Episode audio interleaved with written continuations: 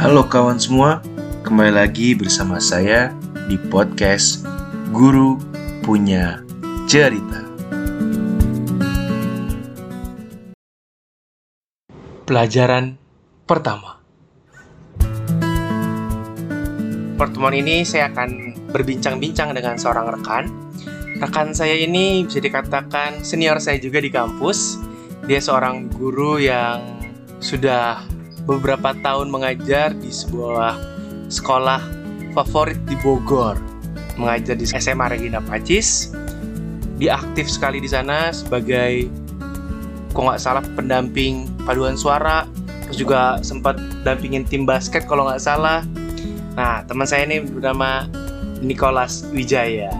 Kayak pada umumnya nih pertanyaan pertama apa kabar? Basi banget gak sih baik ya baik walaupun WFH tapi ya tetap semangat gue manggilnya Pak Niko Pak Niko aja nih santai aja Niko aja Oh. Niko. Oke. di dalam.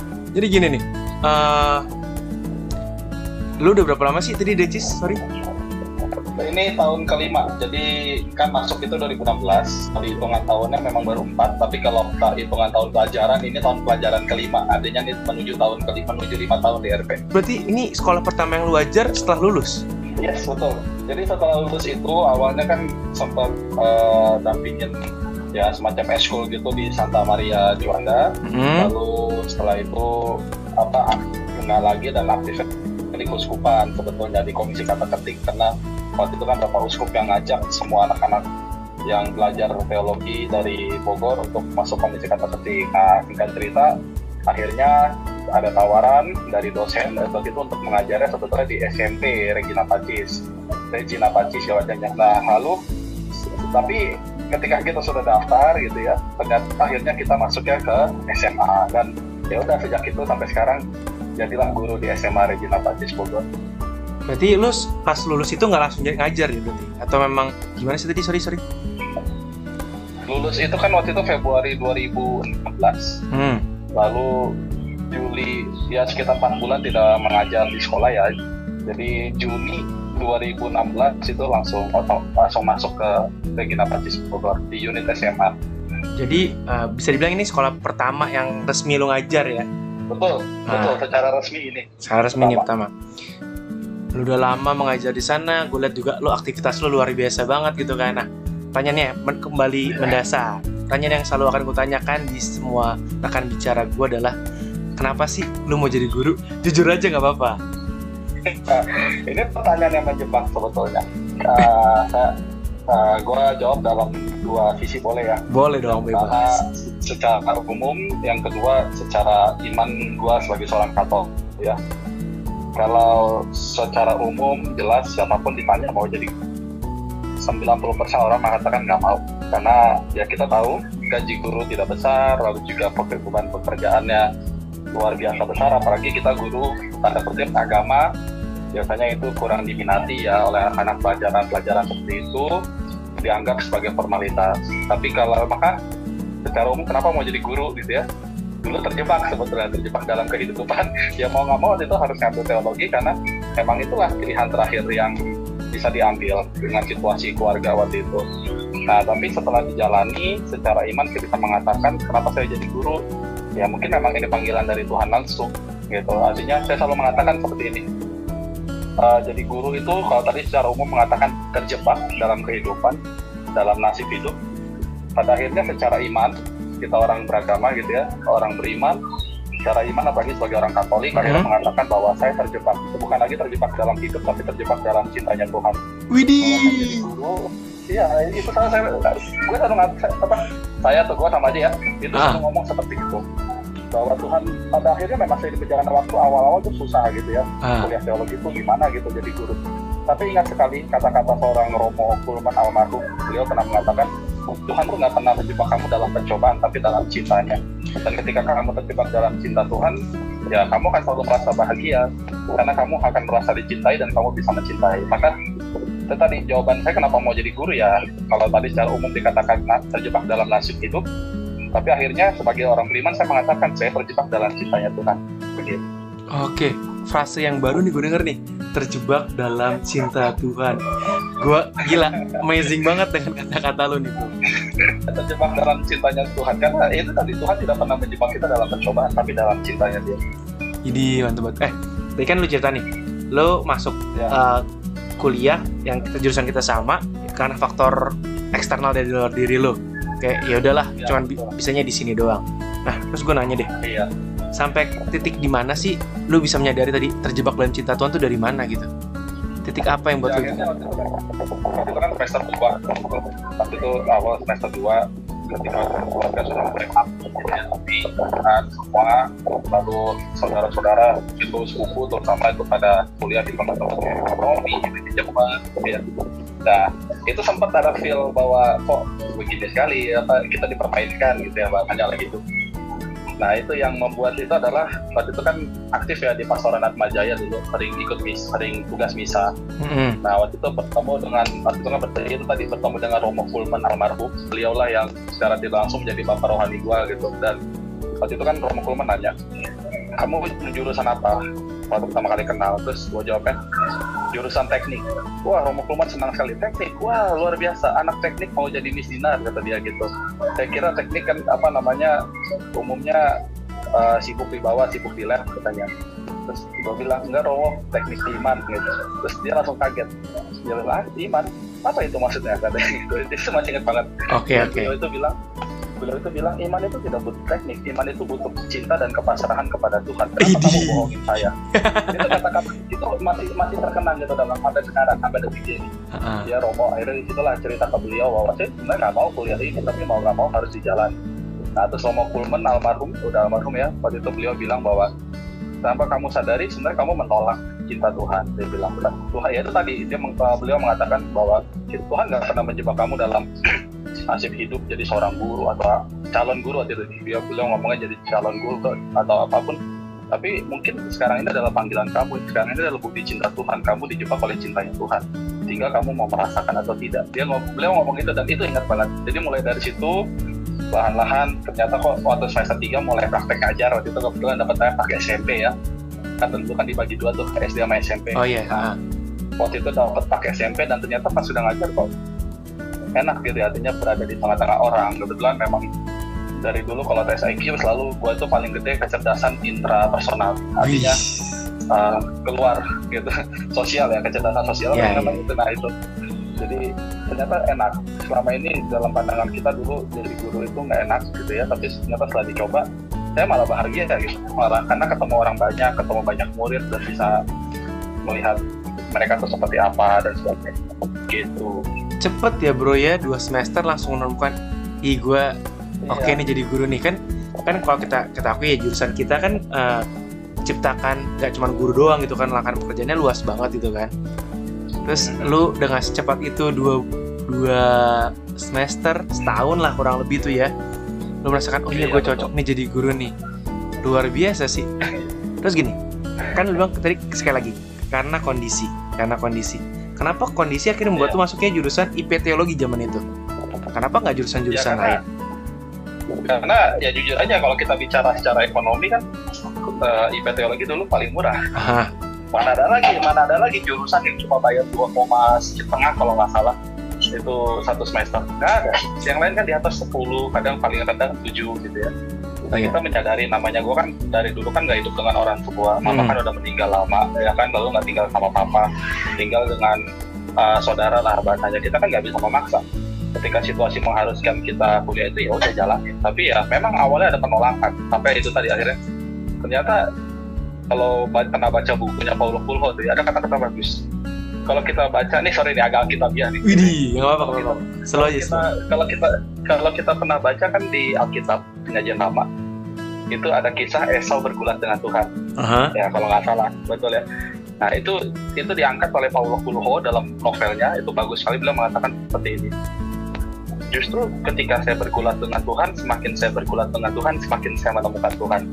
Semakin saya mempertanyakan Tuhan kenapa hidup ini dan sebagainya semakin saya menemukan bahwa Tuhan mencintai saya. Itu kata-katanya dan itu bagus. Gitu. Jadi itu tadi awalnya ditolak tapi akhirnya akhir- akhirnya gue menerima ini sebagai suatu panggilan sebagai bentuk cinta. Begitu.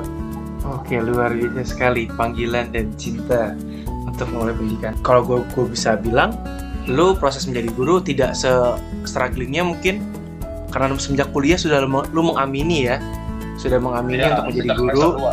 semester 2 jadi untuk proses menjadi gurunya uh, lebih cepat menerimanya dibanding kita tahu lah banyak teman-teman di jurusan kita yang kayak perjuangan banget jadi gurunya gitu kan. Termasuk gua gitu kan. Gua masih sampai akhirnya juga nggak yakin jadi guru ternyata kita sangat berbeda sekali bro.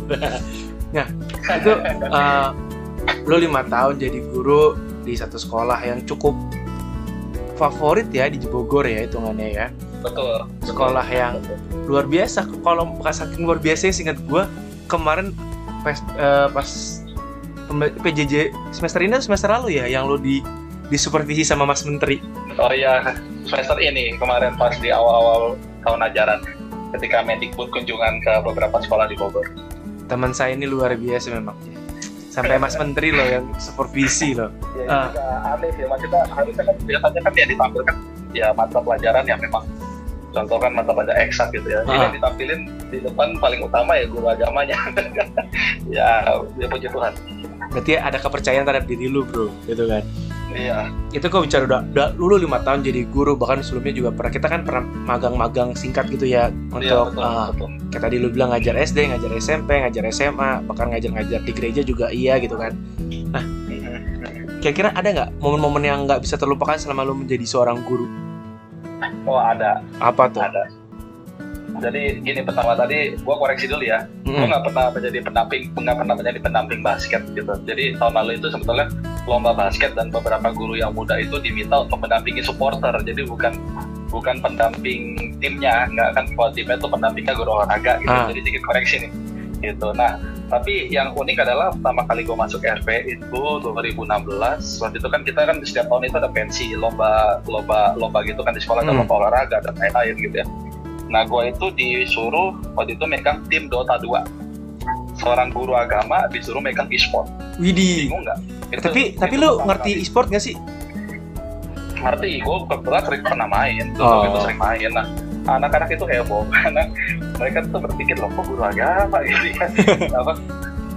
Masa guru agama. Akhirnya gue bilang loh saya sama kamu juga bisa main gitu. Tapi kalau saya main saya tidak akan ngomong kasar jadi kalau kita main kita tekankan paling penting fair play kedua bagaimana caranya menyingkirkan citra gamer yang selama ini dianggap sebagai omongannya kan kalau anak gamer umumnya gitu ya kasar ngomongnya nah Oh. sekarang coba kita hilangkan itu makanya waktu itu berhasil dan itu uniknya kenapa karena waktu itu kebetulan kan kita lagi diskusi nih ceritanya lagi diskusi mau lombanya apa peraturannya semuanya ada satu anak itu waktu itu diskusi di lain grup lain Mm. Iya. Kan lagi berantem tuh lagi ya ribut dikit lah. Biasa anak SMA terus gue cuma ngomong ya coba sabar teman-teman kamu kan ini dan sebagainya. Kita kan menasehati menahan ya menahan mereka. Eh ada satu orang itu yang tiba-tiba bilang gini apa Nicholas Wijaya itu siapa sih? Kok sok sok ini banget kita sok bijak banget gitu ya. ada anak yang tidak tahu kalau gue guru gitu ya. Nah, namanya pertama baru masuk gitu ya jadi belum semua kenal dan itu yang tahu itu langsung pada eh dasar gitu ya. Terus besoknya anaknya begitu tahu langsung datang ke ruang guru dia minta maaf gitu. Itu ingat banget sih gitu. nah kalau unforgettable moment lain adalah pernah loh jadi wali kelas dianggap murid waktu bagi rapot. Jadi waktu itu bagi rapot kan gue pakai baju batik biasa gitu ya. Ada orang ada orang tua murid yang telat jadi telat dia bilang pak saya telat ya oke bu saya tunggu nah gue tunggu di depan kelas tuh waktu itu yang lain udah, udah pada pulang kan tinggal gue tuh waktu itu masih nunggu ibu ini. Nah ibu ini datang tergopoh-gopoh gitu ya. Terus dia sampai atas dia nanya begini dek ini kelas 10 MIPA nggak usah disebutin dengan MIPA tuh gitu ya. Oh iya betul gitu. Oh gitu. Ini wali kelasnya mana? Kan saya ada telepon wali kelasnya aduh gimana sih? katanya gitu. Tolong panggilin wali kelasnya ya. Ada di bawah nggak? Bilang ada bu di ada bu di bawah gitu. Dia kalau panggilin ya. Ada gue turun ke bawah gue turun gue minum gue naik lagi. Terus ibu itu nanya di mana deh wali kelasnya bu saya wali kelasnya gitu dia langsung buka beliau langsung kaget gak enak. Itu masih ingat banget gitu. Jadi pertama kali bagi rapor tuh dianggap murid sama orang tua yang mau kita bagi rapotnya. Oke, itu koplak banget ya. tapi kalau hmm, tapi kalau spesial momen adalah kan juga waktu pertama kali masuk disuruh dampingin kur Hmm. ya kan?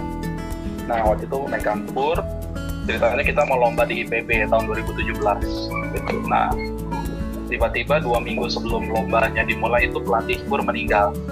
Pelatih kur meninggal dunia. Jadi itu itu momen yang paling nggak bisa dilupakan. Kenapa? Karena anak kur itu semua nangis gitu kan. Mereka tuh sampai mau mundur. Karena pelatih itu bisa dibilang memang udah ngajar mereka dari SD dan mereka sayang banget sama pelatih ini masuk gua gitu kan.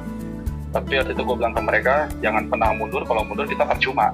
Gitu kan karena lombanya tingkat nasional tuh di IPB akhirnya kita tetap maju walaupun memang masih sedih namanya cuma dua minggu ya setelah meninggal lalu lomba itu dimulai. Tapi akhirnya bikin Tuhan juara dua. Dan kita bedanya dengan peringkat satu itu hanya 0,1 skornya. Itu Ih, masih ingat banget. mantap bro. Di Bogor. Dan apa namanya itu anak-anak itu nangis semua dan mereka meluk gitu. Artinya bahwa gue nggak meninggalkan mereka ayo kita jalan bareng. Apa namanya kita sakit bareng kehilangan bareng kita juara bareng. Nah waktu mereka lulus tuh pengurusnya itu ngasih gue lukisan gitu. Jadi ngasih gue lukisan isinya foto mereka berempat ketua wakil ketua sekretaris bendahara paduan suara terus mereka tulis di situ kata-katanya. Dan itu bikin gue nangis gitu waktu lagi di intinya adalah Ah, bahwa orang hebat tidak dilahirkan dari pengetahuan yang baik, tapi dilahirkan dari guru yang menginspirasi dan memotivasi. Itu kata-katanya. Sampai sekarang itu gue sampai sekarang itu gue pajak di kamar itu benar-benar apa ya, bikin gue terharu gitu. Bahwa merinding gue gue gue pikir ah, gue pikir gue selama ini gue orang biasa nggak nggak apa-apa. Tapi ternyata bagi anak-anak kehadiran gue waktu itu uh, menginspirasi mereka supaya apa pun kita harus lakukan dan akhirnya memang kita berhasil. Oke. Itu tiga tiga momen aja kalau yang lain kebanyakan. Iya cukup. Eh gue gila yang terakhir gue pas yang lu cerita apa ada anak yang ngasih gitu kayak eh, merinding banget gak sih gitu maksudnya wow gue berguna gitu kan gue berguna Yes. ya meskipun lu mendamping ya, eh, ibaratnya ya lu memberikan support aja buat mereka gitu kan meyakinkan mereka biar ya ini jalannya gitu kan nah terus gue ngakak juga ketika apa cerita lu sama seorang wali, wali murid itu ya yang nggak kenal gue nggak kenal temen gue nih Niko dengan gue kami tuh sangat berbeda sekali. Secara tampilan kami sangat berbeda. Gue gede eh, brewokan lah kulit gue gelap gitu kan. Sementara Niko ini dari kuliah nggak berubah-berubah. Tetap mulus mukanya kumis tuh tipis-tipis jenggot tuh kayak kayaknya nggak ada kacamata. Cuman yang beda sekarang dia sudah lebih subur aja lebih makmur hidupnya dulu waktu kuliah nggak se tapi wajahnya gue bayangin iya bener juga nih mukanya ini orang nih kocak ya maksudnya eh, baby face lah bisa dikatakan gitu teman gue ini memang jadi ya ada lucunya ada terharunya ada ya tadi lu terkejutnya jadi apa pendamping Dota ya oke Iya juga itu itu pertama kali. Oke, itu menarik sih. Pasti kita juga pasti mengalami hal-hal yang berbeda sih. Maksudnya, lu gua guru agama, lu guru agama. Tugas-tugas kita di sekolah kadang-kadang gila ini jauh banget dari tugas gua gitu kan dari dari Betul. Heeh. Betul, betul. Walaupun kita bisa main, tapi kan itu bukan bidang kita, Nah, gitu. Dan gua, gua nggak bisa nyanyi, tapi Ah. gua pendampingi. Intinya hanya pendampingi ada di sana untuk me- bahasanya mediator anak dengan sekolah, dengan pelatih. Tapi tanpa gua sadari ternyata ya anak-anak selalu bilang "Ah, kalau nggak ada bapak mungkin kita sudah hancur sejak pelatih yang sebelumnya itu meninggal. Gitu ya, ya bersyukurlah artinya bahwa itu tadi saya terjebak dalam cintanya Tuhan ternyata saya tidak hancur. Justru saya malah memberikan cinta kepada orang lain. Kalau gue bilang gue nggak kaget lagi dengan cerita-cerita lu yang kayak gini. Kenapa gue bisa bilang gue nggak kaget? Karena kita memang udah jarang ketemu banget ya kok ya. Ya, Jarang, betul. jarang Kita banget. terakhir ketemu kapan ya? Lama banget. Tapi kan kita masih sering kontak-kontak kan. Secara kita sama-sama ngajar SMA materi juga kadang-kadang gua eh boleh tuh inspirasi banget tuh materi boleh gua adaptasi nggak buat gua ngajar? Gitu kan. Meskipun nggak sama gitu. nah, terus gua ngeliat juga dari postingan lu di media sosial gua ngerasa lu ha- hangat banget dengan siswa-siswa lu gitu makanya pas lu cerita soal begitu gua rasa oh gua gua bisa merasakan apa yang mungkin terjadi gitu kan. Pertanyaan ini terakhir tuh tapi bukan akhir dari semuanya nih ini pertanyaan yang terakhir. Setelah lima tahun menjadi guru lu merasa udah bangga belum sih jadi guru? Ya kalau soal bangga tidak ada beberapa hal yang memang akhirnya kita bisa ubah termasuk paduan suara gitu kan. Hmm. Lalu eh, intinya gini waktu masuk itu pertama kali kan gue ngeliat situasi ternyata oh sekolah tuh seperti ini dunia pendidikan tuh seperti ini gitu ya. Hmm. dan pastinya kan setiap orang punya harapan saya akan mengubah apa mengubah apa mengubah apa. Ya kalau bisa dibilang bangga iya tapi mungkin baru baru 50% gitu. 50% artinya masih banyak yang harus saya yang harus gue ubah di sekolah ini gitu. Nah salah satu yang berhasil gue ubah adalah gue sedikit mengubah citra pelajaran agama yang selama ini dia pandang anak itu kan pelajaran agama itu ya kita tahu lah ya boring gitu ya. Hmm. tapi kalau untungnya sih kalau sama gue anak-anak nggak ya boring pasti ada. Tapi mungkin hanya sedikit berapa bagian persen di materi kita kan pasti ada yang mau nggak mau kita harus jelasin secara secara kaku lah bahasanya gitu. Iya iya iya. Tapi paham. karena gue lebih suka kita aktivitas kita membuat sesuatu dan situ anak-anak senang. Gitu maka kalau bangga ya tadi bangga ya tapi belum full belum total. Lagi pula apa ya namanya hidup ini kan kalau kita sudah total begitu kita akan berhenti di sini. Tapi kalau kita mengatakan bahwa saya bangga saat ini saya bangga.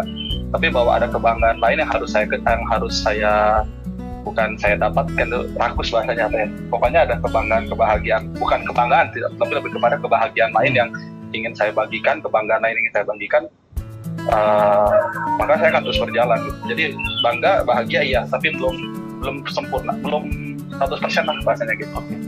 Jadi udah lima tahun dengan segala macam dinamikanya, kalau bisa gue simpulkan, Oh. udah merasakan bangga lah jadi seorang guru dengan uh, berkali-kali dinamika dengan siswanya, tapi masih ada yang mesti gue cari lagi, yang lu cari lagi untuk lebih betul lebih maksimal lagi nih gue bisa lebih dari ini gitu kan Ya. yang merasakan.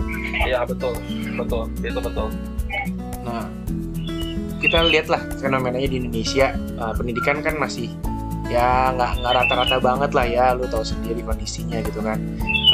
iya. nih seandainya nih seandainya lu boleh memberikan satu masukan kebijakan kepada Mas Menteri atau Kementerian Pendidikan kira-kira lu mau ngasih usulan apa nih? Boleh terkait ter- boleh terkait dengan siswanya tentang kurikulumnya boleh tentang uh, kesejahteraan gurunya boleh tentang pelajaran agamanya terus satu deh satu kebijakan yang kira-kira lu akan usulkan ke kalau lu boleh menyampaikan ke lu bisikin tuh kupingnya Mas Menteri Mas saya maunya gini gini gini karena gini gini. Apa kira-kira Ya. bro? Kalau gue sih ya itu dia. Semoga apa ya eh, program bebas belajar yang dicanangkan beliau itu sungguh-sungguh dilakukan. Karena ya lima tahun empat tahun ya menuju ke lima tahun menjadi guru SMA yang masih muda pun kita bisa melihat anak-anak sekolah itu kadang-kadang terbebani dengan tugas yang luar biasa. Artinya tugas yang hanya secara kognitif umumnya gitu ya. Pokoknya kamu harus ngerti ini hafal mati gitu kan. Makanya dan juga kita guru-guru kan terlalu diributkan dengan administrasi betul nggak? Ya itu pasti ketawa di depan ini ya. Kita nyiapin apa segala macam administrasi pada akhirnya cuma dilihat doang gitu kan. Kita terjebak pada formalitas sebenarnya gitu. Makanya harapannya adalah kepada mungkin kepada menteri atau apa ya semoga program bebas bukan bebas belajar apa namanya? Merdeka belajar ya merdeka belajar yang beliau ingin lakukan apa ingin canangkan di Indonesia itu benar-benar bisa ber- bisa bisa apa namanya bisa berjalan. Gitu. Baru nanti seandainya memang ada kekurangan kan kita evaluasi ke depan. Kan selalu seperti itu. Melai- mensukseskan program Merdeka Belajarnya Mas Program Menteri ya? Merdeka belajar. Oke. Betul, betul. Karena kita sering kali menurut menurut gua kita terjebak pada formalitas gitu, formalitas RPP lah apa itu. Ya jujur aja nih, jujur, jujur aja. Formalitas yang sifatnya administratif. Oke, itu ya jadi fokus utamanya ke arah situ ya. Ini di luar konteks pendidikan. Di luar- Maksudnya masih masih berkaitan dengan dunia pendidikan, uh, dengan dunia kerja lo. Nih gue muncul aja. Gue kan ingat ya, kalau kita fresh graduate kuliah langsung kerja kan berarti usia kita masih muda lah ya. Lu ya, kalau gue kan, kalau gue kan kagak ya. Gue kan kagak. Iya. Lu dengan siswa usia nggak jauh-jauh banget kan? Ada nggak? Waktu pertama kali masuk itu tujuh tahun bedanya. Tujuh tahun ya? Iya. Nggak jauh-jauh banget lah hitungannya itu mah ya. Iya. Ada nggak Iya. ada nggak hal-hal unik misalnya gini ada nggak murid yang tertarik sama lu kan sekolah ada perempuan juga Ada. tuh. kayak gimana tuh Ah, seru serunya gimana tuh gue pas penasaran gue penasaran gue penasaran karena lu ngajar SMA bisa gue tanya Iya ada. Kalau soal itu ada, tapi mungkin mereka tidak berani menunjukkan di muka umum ya. Artinya di sekolah mereka nggak. Kalau di sekolah mereka segan gitu kan. Tapi kadang-kadang nih, misalnya ini contoh nih, ini contoh. Nah, tiba-tiba ada anak bilang, Pak, aku dari RCG Bapak gitu. ah Iya, silakan gitu. Iya, mau tau nggak Pak, masa teman-teman saya tuh suka dari SMP tuh udah udah jadi anak ini ditanya gua nggak perlu sebut angkatan ya. Apa, ketika masuk SMA dia bilang waktu bapak waktu bapak di sini tuh kita kan masih SMP pertama kali masuk katanya nah itu tuh banyak yang suka buka IG bapak suka memantau katanya apa pun yang buat terus dipantau gitu. Aduh, kenapa gitu? Kan kata mereka soalnya bapak cogan gitu. Oh Koko Niko. Memang luar biasa dari dulu. Selalu punya dede-dedean. Katanya baby face terus kadang-kadang ada yang suka curhat gitu ya. Misalnya curhat tapi kok curhatnya tuh jatuhnya tuh malah apa ya kayak ya sebenarnya mereka mencari sosok kakak sih sebetulnya kebanyakan kalau yang perempuan ya gitu. ya kalau soal gitu pasti ada gitu tapi kan kita juga bisa menahan diri. Nah ini gue cuma nanya itu gini-gini ke teman-teman gue yang ngajar di SMA karena range usianya nggak jauh-jauh banget itu kan. Dan itu Betul. dan itu keunikan hal kayak gini biasanya sering muncul tuh gitu kan.